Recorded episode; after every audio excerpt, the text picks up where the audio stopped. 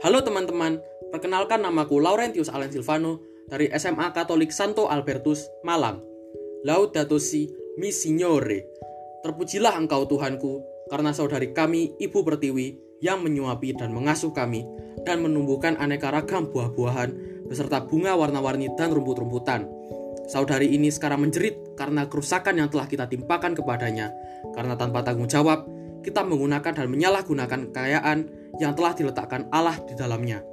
Itulah yang disampaikan oleh Paus Fransiskus di bait-bait awal ensiklik keduanya, Laudato Si. Dalam Laudato Si, Paus Fransiskus mengkritik tentang masih banyaknya konsumerisme dan eksploitasi sumber daya alam, serta pembangunan yang tak terkendali. Beliau juga khawatir dan menyesalkan kondisi dunia saat ini, di mana terjadi pemanasan global dan sumber daya alam yang ada perlahan menyusut.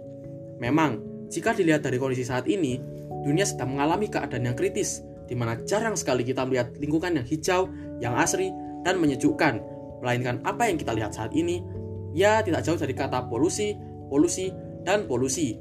Coba kalian lihat keadaan lingkungan sekitar kalian saat ini saja.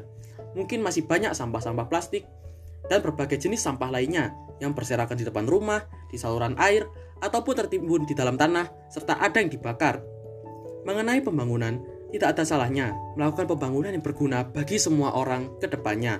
Melainkan, hal itu menjadi salah jika pembangunan menjadi tidak terkendali. Tertulis pada kejadian 2 ayat 15, Tuhan Allah mengambil manusia itu dan menempatkannya dalam Taman Eden untuk mengusahakan dan memelihara taman itu. Nah, Allah berfirman seperti itu agar kita mampu membuat dunia Allah lebih baik dan lebih indah. Bukan berarti Allah memanjakan kita, bumi yang diciptakan Allah harus mampu lebih baik jika manusia mampu bersatu menjaganya. Maka dari itu, Paus Fransiskus mengajak kita semua untuk melestarikan lingkungan yang ada, dimulai dari lingkungan sekitar, dan mengajak kita semua untuk bergerak bersama untuk mengurangi dampak eksploitasi dan konsumerisme ini.